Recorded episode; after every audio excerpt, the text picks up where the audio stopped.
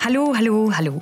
Orlier, ik ben eh, de host van de podcast Snapt je mij nu? Daarin laat ik jongeren met een andere mening aan het woord over een onderwerp uit de actualiteit. En deze keer ben ik hier eh, iets sneller dan verwacht met een speciale aflevering. Want vorige week hadden we het hier aan tafel over de Oekraïnse vluchtelingen.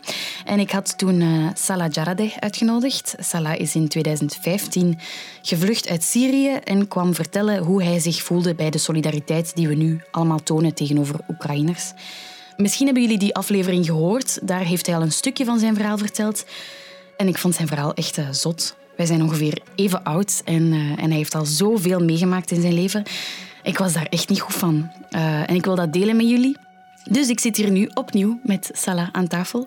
Met twee deze keer voor een bonusaflevering van Snapt je mij nu?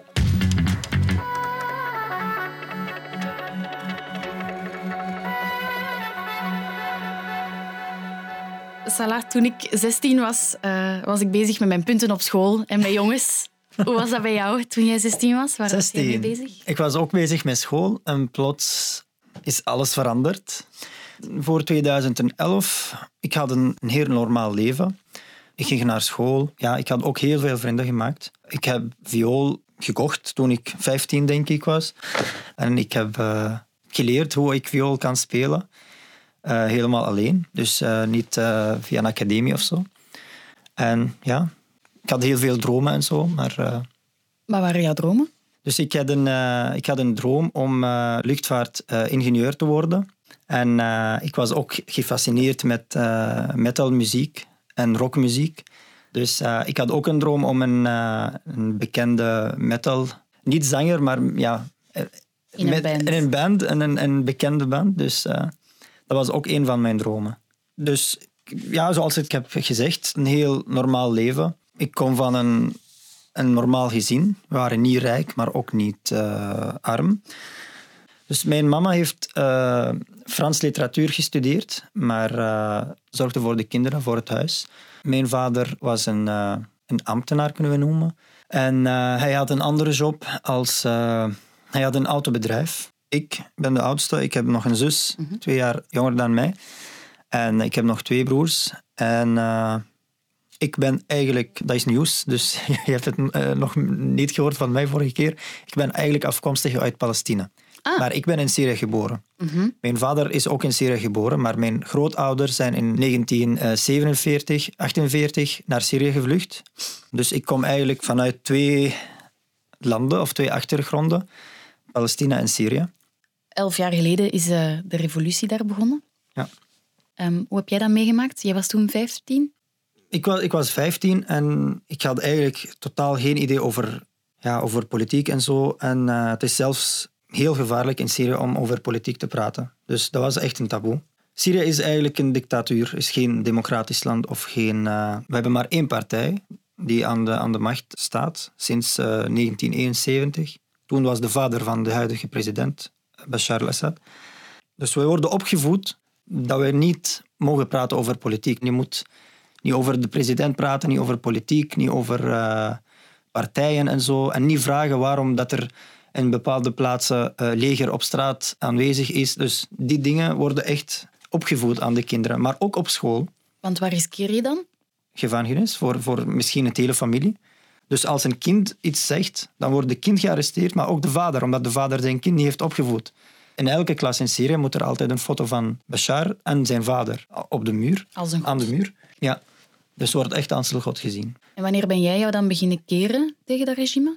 In 2011 hadden wij te horen via, via de televisie en zo dat er in andere landen, in Arabische landen, dat er mensen op straat opkwamen tegen, tegen hun regimes. Ja, in Tunesië lente. bijvoorbeeld, in Egypte en zo.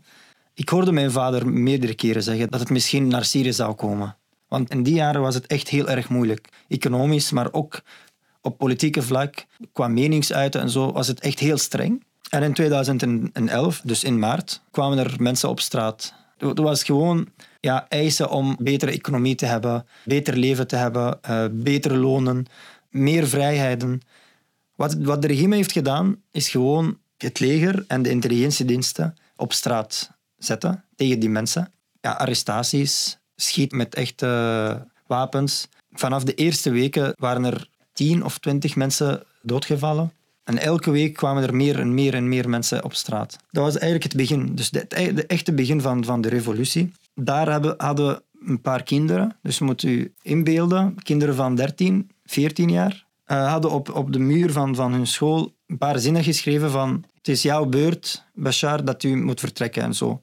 Dus die kinderen werden direct opgepakt, gearresteerd. En die worden gruwelijk gemarteld in de gevangenis.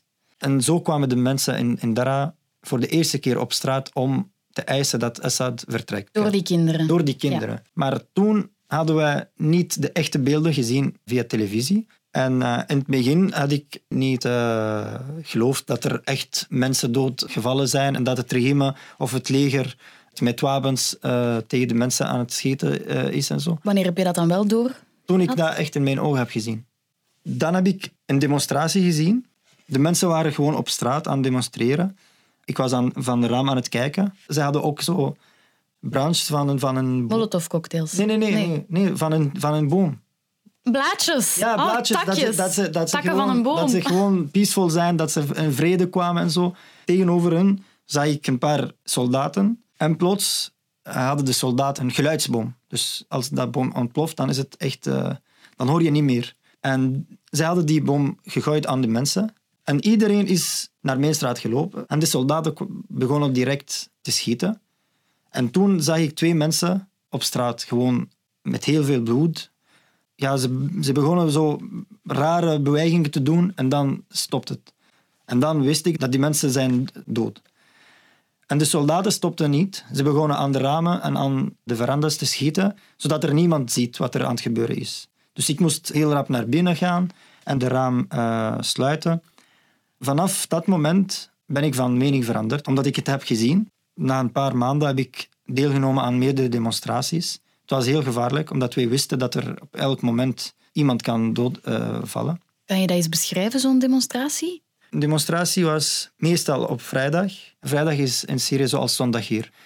De mensen gaan naar de moskee om, om, om te bidden. En omdat in de moskee heel veel mensen samenkomen, was de enige punt van verzameling waar de mensen kunnen vertrekken. Want in Syrië is het verboden om zomaar ergens meer dan tien mensen samen te, te hebben. Dus zelfs thuis of zo. Dan... Toen, toen ook al? Ja, ja, ja. Dus voor, voor de revolutie was het een beetje flexibeler, maar vroeger vijf mensen samen in één huis. Dan, als iemand belt naar de politie of zo, dan worden die mensen opgepakt. Vijf mensen in een huis? Ja. ja en dat is de Waarom? tijd van zijn vader bijvoorbeeld. Waarom? Omdat ze bang waren dat er complot tegen hem... Ah, ja. Dat er mensen aan een plan aan het richten tegen het regime of zo. En dus een demonstratie is gewoon mensen die door de straten lopen en uh, ja, roepen. Maar, geen, maar echt geen, geen wapens of zo. Assad, Bashar al-Assad, probeert altijd nog steeds te zeggen dat hij tegen terroristen aan het vechten was. Dat hij niet tegen eigen volk aan het, vechten, aan het vechten was. Maar dat er tussen de mensen terroristen waren, maar dat, dat is het niet. Na een paar maanden begonnen ook soldaten te ontsnappen van, van het leger van Assad, omdat ze zagen dat ze hun eigen volk aan het vermoorden zijn. En zo begon wat wij nu, vandaag noemen het Vrije Syrische leger. Samen met gewone burgers die hebben beslist om tegen het regime te vechten. Je hebt niet meegevochten? Nee, helemaal niet. Nee. Ik, was, ik was ook heel jong.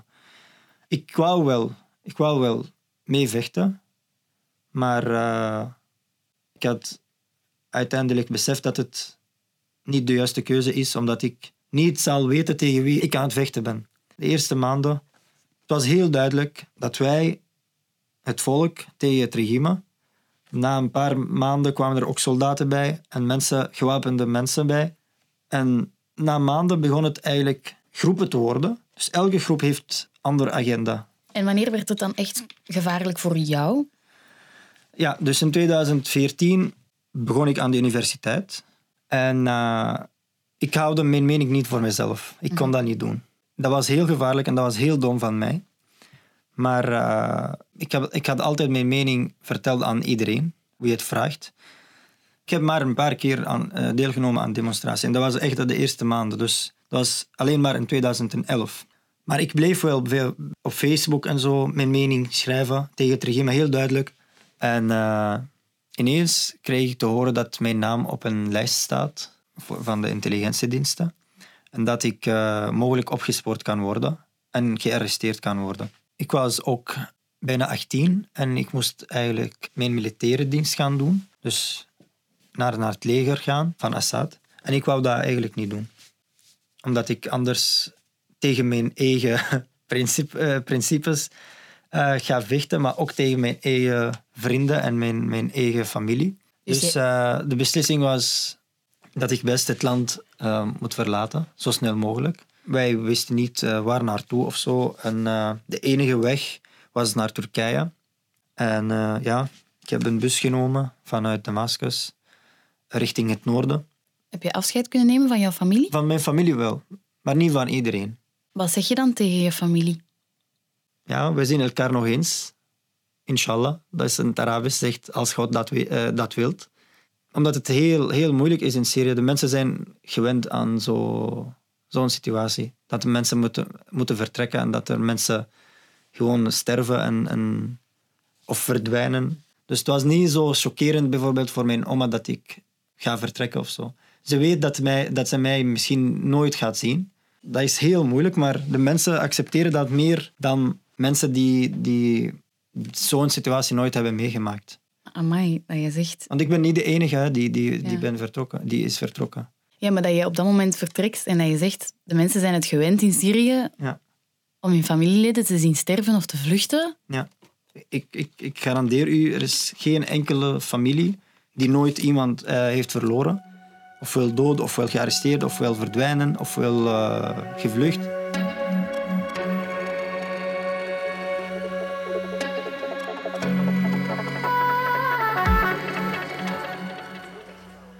Dan zit je in Turkije, je bent dan gevlucht naar Turkije. Ja. Je stikt de grens over en wat dan? Ja, ik had geen Syrische paspoort. Dus ik mocht niet naar Turkije gaan via een legale weg. Dus ik moest eigenlijk een illegale weg nemen. En dat was gewoon naar het noorden rijden, aan de Syrische-Turkse uh, grens, en, en door het bos gaan. Ik heb gehoord van mensen dat de Turkse soldaten schieten aan de mensen als ze ze uh, zien oversteken. Maar in mijn geval was het niet. Dus er, ik heb de soldaten gezien. En ze hebben mij ook gezien, maar ze hebben mij gewoon doorgelaten. doorgelaten. Dus de dag daarna heb ik een bus genomen naar Istanbul. Ik kende eigenlijk niemand, behalve één persoon. Hij, zijn naam was Oksala. Was, hij was mijn vriend. Dus hij heeft mij ontvangen. Dus daar heb ik, de, ben ik de eerste nacht gebleven. En uh, ik wist totaal niks van uh, mijn toekomst. Wat ga ik doen hier? Ik had elke dag naar, naar job ge, gezocht. En Turkije spreekt niet dezelfde taal trouwens. Mensen denken dat, wij, dat in Turkije Arabisch wordt gesproken of omgekeerd. Dus ik, ik, kende de taal ook niet. Dus ik, ik moest via Google Translate zo een paar woorden uh, vertalen. Van ik zoek werk en hebt u iemand nodig en zo. Omdat ik geen job had gevonden en ik had maar een paar honderden dollars, die waren bijna op, heb ik mijn, mijn familie gecontacteerd en gevraagd of ze mij een viool naar Turkije konden opsturen.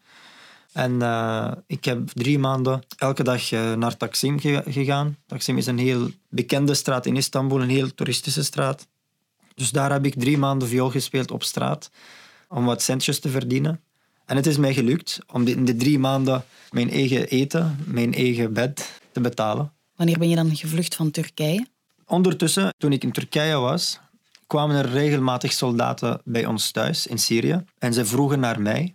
En uh, mijn ouders zeiden altijd, wij weten niet waar hij is. Hij is uh, plots uh, vertrokken en wij weten niet waar hij is. Die bezoeken werden meer regelmatig. En mijn ouders voelden het gevaar komen, omdat het in Syrië zo is dat als ze iemand nodig hebben, dat ze niet alleen die, die, die persoon arresteren. Als ze de persoon niet vinden, dan wordt de vader bijvoorbeeld, of de broer, of de moeder zelfs, gearresteerd om die persoon te dwingen dat hij terugkeert of dat hij zich uh, begeeft. En de tweede reden was dat ik in Turkije mij niet kon uh, regulariseren. Dus ik was illegaal en ik heb uh, geprobeerd om papieren aan te vragen, maar het was niet mogelijk. En ik kon op eender welk moment teruggestuurd worden naar Syrië. Als ik terug word gestuurd naar Syrië, dan word ik direct opgepakt. Dan word ik direct gearresteerd.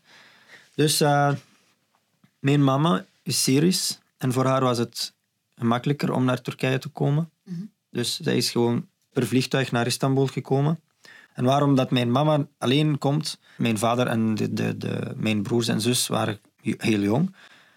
En het is heel gevaarlijk omdat zij illegaal naar Turkije moeten komen. Ze zijn ook Palestijnen. Dus mijn mama kwam naar Turkije en de plan was, we gaan samen naar Europa, waar wij als vluchtelingen recht hebben op uh, gezinshereniging, zodat mijn mama na een tijdje de rest kan laten komen naar, naar het land waar wij verblijven. We zijn samen naar Izmir gegaan. Izmir is een andere stad in Turkije tegenover Griekenland. Daar zijn er duizenden Syriërs daar die aan het wachten zijn om de zee uh, over, te steken. over te steken. En dan zit hij daar in Izmir. Wil je naar Griekenland vertrekken? Ja, dus Griekenland is sowieso de eerste stap. Dus iedereen moet eerst naar Griekenland gaan. Dus uh, we hadden een smokkelaar gezien en hij zegt, ja, ik, uh, ik ben een, een heel goede smokkelaar. Ik ben niet zoals de rest. Ik steek niet 50 mensen in een kleine rubberen boot. Het is maximum 20 mensen in een uh, rubberen boot. Dus uh, we zeiden, oké. Okay. Wij, wij betaalden het geld. Hoe was dat dan? Ik herinner me dat het 1100 dollar was. Dus 1100 per persoon. Dus we hadden het geld betaald. Zij hij stuurt dat wij op een bepaald plek gaan ontmoeten en zo. Wij worden samen met een heel grote groep mensen naar een huis uh, gebracht. Dus een, een, een, heel groot huis waar ze mensen verzamelen. Mm -hmm. Dat was om acht uur s morgens. En om vier uur, ongeveer om vier uur in de namiddag, kwam een vrachtwagen waar je vlees kunt vervoeren. Dus een, een, een koelkast eigenlijk. Het had geen, geen ramen, geen, het was, had niks. En ze hadden ons geforceerd eigenlijk. Dus wie niet wilt meedoen, kan niet nee zeggen. Dus op dat moment, dus vanaf het moment dat de mensen naar dat huis worden gebracht, kan niemand nee zeggen. Dus dan is het definitief.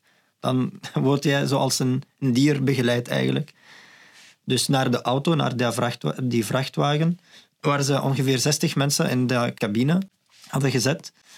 En ze hadden meer dan vier uur gereden naar ergens waar wij niet weten waar. Dus het was vier uur, wij zien de, de, de, de weg niet. En daar aan, aan de kust, het was een, een heel lege plek, dus geen stad of zo. En je zit enkel zee en een heel open ruimte. Dus ze hadden een paar jongeren meegenomen naar de kust of naar, naar de zee. Dus omdat ik met mijn mama was, had ik een, een, een speciale situatie. Omdat wij als gezien werden, werden beschouwd dat ik voor mijn mama moet, moet zorgen en zo. Maar wie alleen is, wordt meestal gebruikt bijvoorbeeld om de rubberen boot uh, op te blazen. Plots kwam er de Turkse uh, kustwacht en uh, ze hadden die mensen gearresteerd die, die bezig waren met, met de boot. En wij konden eigenlijk ontsnappen. Na een week hadden wij nog eens geprobeerd, dezelfde programma, eerst naar het huis en dan wachten tot vier uur en dan komt een vrachtwagen samen met 60, 60 mensen in de vrachtwagen en naar de zee. En dan is het wel gelukt? En dan is het wel gelukt. We moesten eerst een half uurtje in een soort van rivier varen. En dan dat rivier wordt dan ja, zee. Dus dan kwamen wij aan de zee. Het was rond 12 uur middernacht.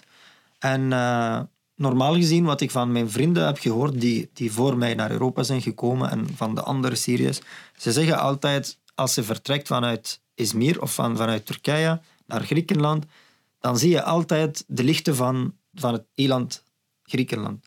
Ze zeggen altijd, het is niet zo ver, het is maar een paar kilometers en je kunt zelfs de lichten zien. In mijn geval hadden we niks gezien. Dus het was echt heel donker, het was gewoon zee. Dus we hadden ook niemand met ons die, die de weg kent.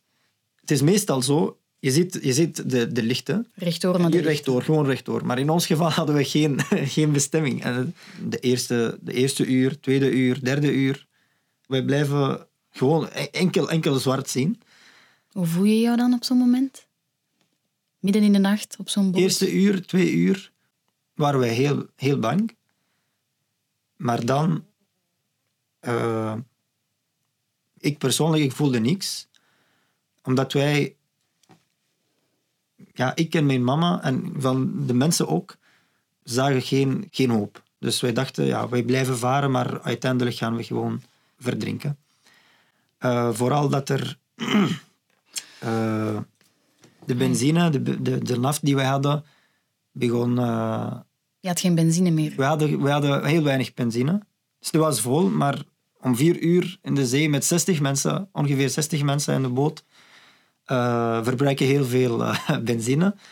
Dus uh, wij dachten dat we nooit aan een eiland of aan een grond zouden kunnen stappen. Amai. Dus het was heel heftig. Ik herinner me wel dat wij de laatste twee uur... Sommige mensen begonnen te huilen. Sommige mensen, waaronder ik en mijn mama, begonnen gewoon met de andere mensen te praten en te lachen en zo. Het was heel gek. En uh, als ik dat niet heb meegemaakt, zou ik, zou ik nooit geloven dat iemand kan lachen in, in, zo'n situatie. Maar de mensen hadden echt geen hoop. We waren aan het wachten om, om na een paar minuten te verdrinken. En, uh, dus je, geeft gewoon op en uh, ja, je kunt niks doen. Dus als je huilt of als je lacht of als je uh, schreeuwt, je kunt niks veranderen.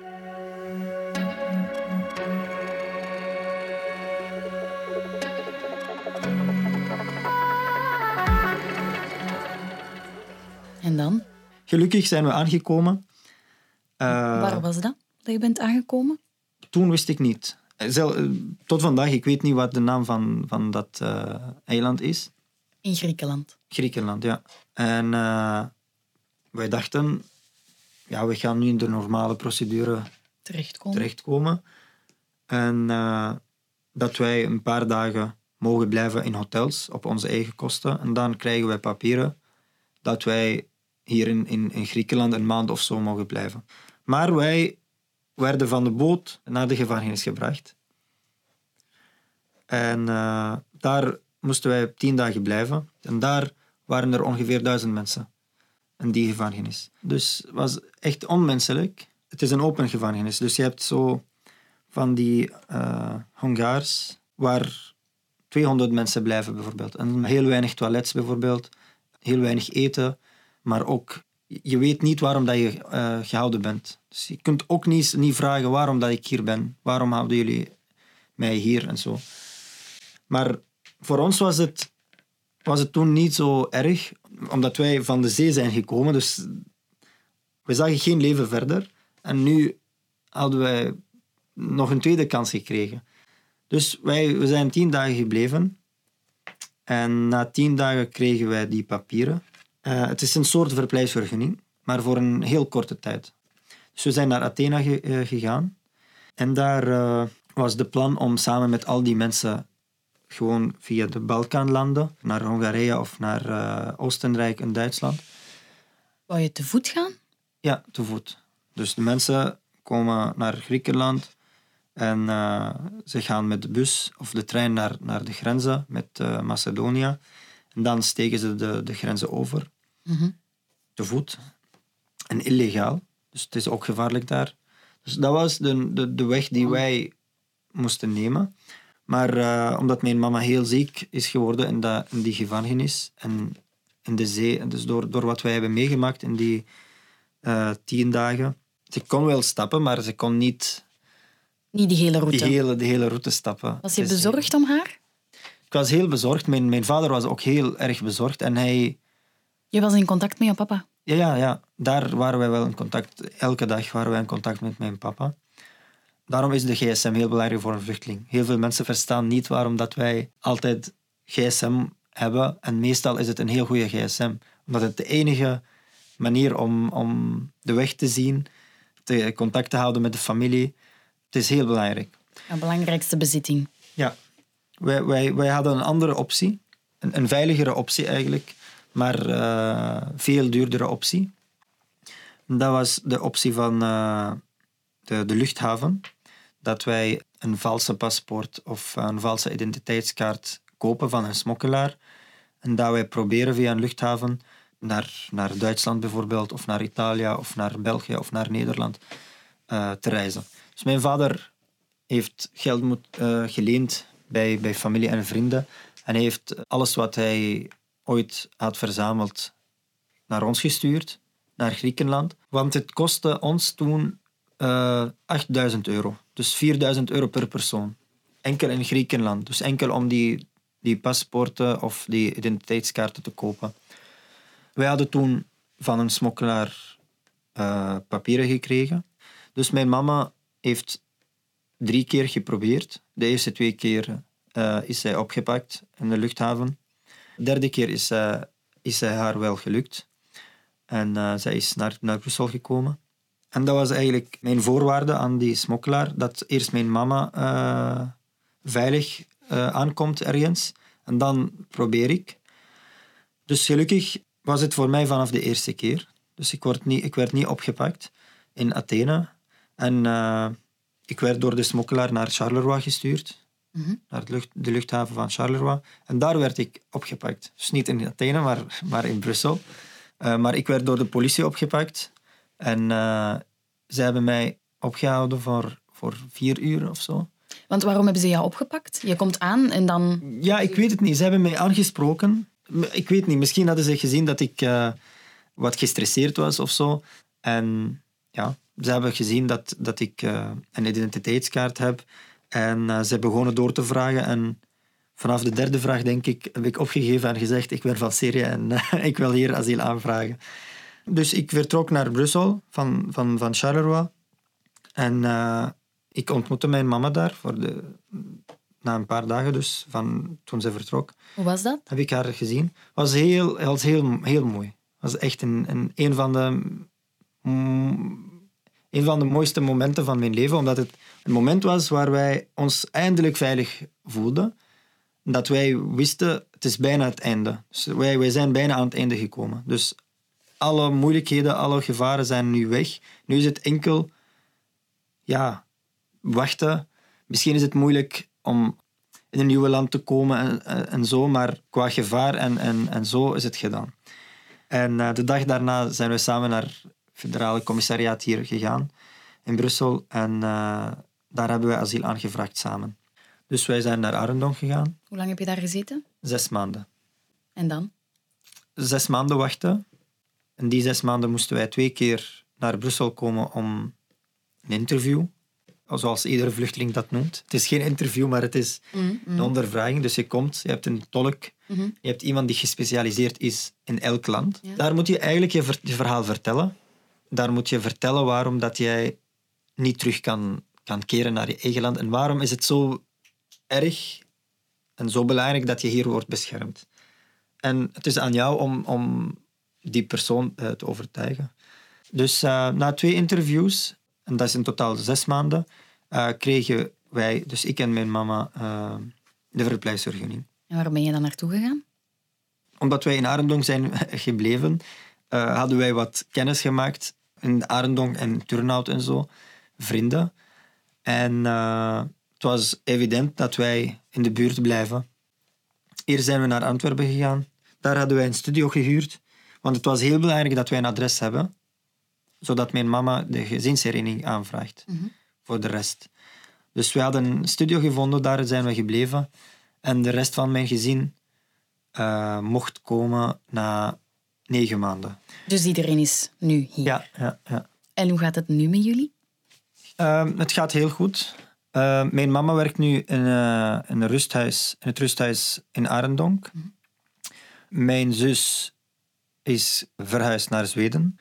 En eh, ik heb nog twee broers. Mijn broer is nu zevende jaar elektriciteit. En mijn kleinste broer is dertien en ja, zit ook op school. Mijn vader heeft geen werk momenteel, maar binnenkort gaan wij samen een, uh, een frituur uitbaten. Dus dan kan hij zelfstandig worden. Nu, na zeven jaar, zeg ik altijd... Thanks God dat ik uh, opgepakt werd in, in Charleroi. Ik ben echt heel tevreden hier. Dat is chockerend voor mijn landgenoten, de Syriërs. Uh, als ik zeg dat ik meer banden heb met België dan met Syrië momenteel.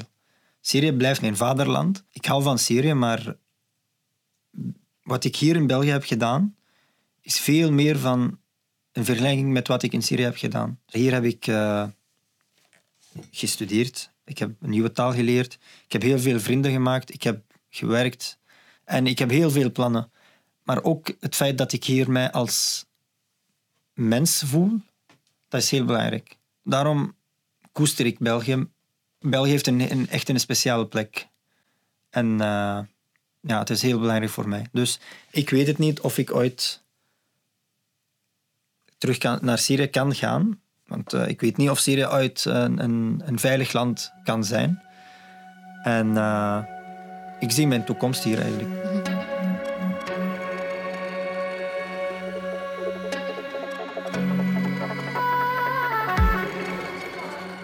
Zo'n mooi verhaal. Ja. Ik vind het wel opvallend dat je jouw verhaal zo makkelijk gezegd krijgt. Dat zijn heel heftige dingen die jij hier allemaal tegen mij vertelt en je kan dat zo Het is, vlot vertellen. het is, ja, het is heel heftig. En eh, het, was niet, het, is, het is nooit gemakkelijk geweest om mijn verhaal te vertellen. Maar ik wil niet dat die emoties mijn leven bepalen. Ik heb heel veel dingen meegemaakt en ik moet gewoon die dingen verwijderen. Mijn, mijn doel is mijn verhaal vertellen om iets te bereiken. En dat is gewoon meer begrip te creëren en ook de mensen mijn, de, de, de echte verhaal te vertellen. En ik wil niet dat ik mijn verhaal vertel om gewoon emotioneel te, te worden. Daarom is het misschien wat rustiger bij mij. Maar het is, eh, het is niet gemakkelijk. En je ziet, ja, ik maak normaal gezien niet zoveel fouten als ik Nederlands spreek, maar het is, eh, het is moeilijk. Ik kan, ik kan niet, niet eh, zeggen dat ik gewoon met alle rust mijn verhaal kan vertellen. Straf Ja, dat je dat kan. Ik moet heb ook ik geleerd eigenlijk. Was- Ja. Ik moet ook toegeven, ehm, het is ook door het gesprek met jou nu dat ik veel meer ben beginnen opzoeken over eh, de oorlog in Syrië, over wat daar gebeurd is. En ik was echt daar heel erg van aangedaan als je al die beelden ziet en dat dat al zo lang Ja. duurt. Ja. Ik kan dat niet begrijpen, echt. Ik kan niet begrijpen hoe iemand zoals hij, zoals Assad, nog steeds aan de macht is. Ik kan wel vermijden dat Assad en zijn bondgenoten de geschiedenis schrijven op hun manier. Jij wil jouw verhaal naar buiten brengen. Niet mijn verhaal, ik wil de echte verhaal. Ik wil de verhaal van de mensen die, die in de gevangenis zitten, de mensen die gebombardeerd werden, de mensen die in de zee op weg naar Europa zijn eh, verdronken omdat hij heel graag zijn, zijn eigen stoel ziet, zijn eigen troon. Dus eh, ja, ik wil niet dat de geschiedenis ons eh, vergeet. Wauw, wat, een, eh, wat een verhaal. Ik ben heel blij dat je het hier bij, mij, bij mij bent komen vertellen. is heel graag gedaan. U bent bedankt om mij vandaag hier te hebben. Ik vind het heel belangrijk, Mag ik jou nog één ding vragen? zeker. Jij hebt eh, drie maanden dus in Turkije viool gespeeld om te overleven, om centjes te verdienen. Je hebt jouw viool hier mee. Wil jij een stukje spelen voor ons? Zeker en vast. Ja. Alright. En eh, ja, dank u. Echt bedankt. Dat is heel graag gedaan. Bedankt aan jou, Salah Jarade.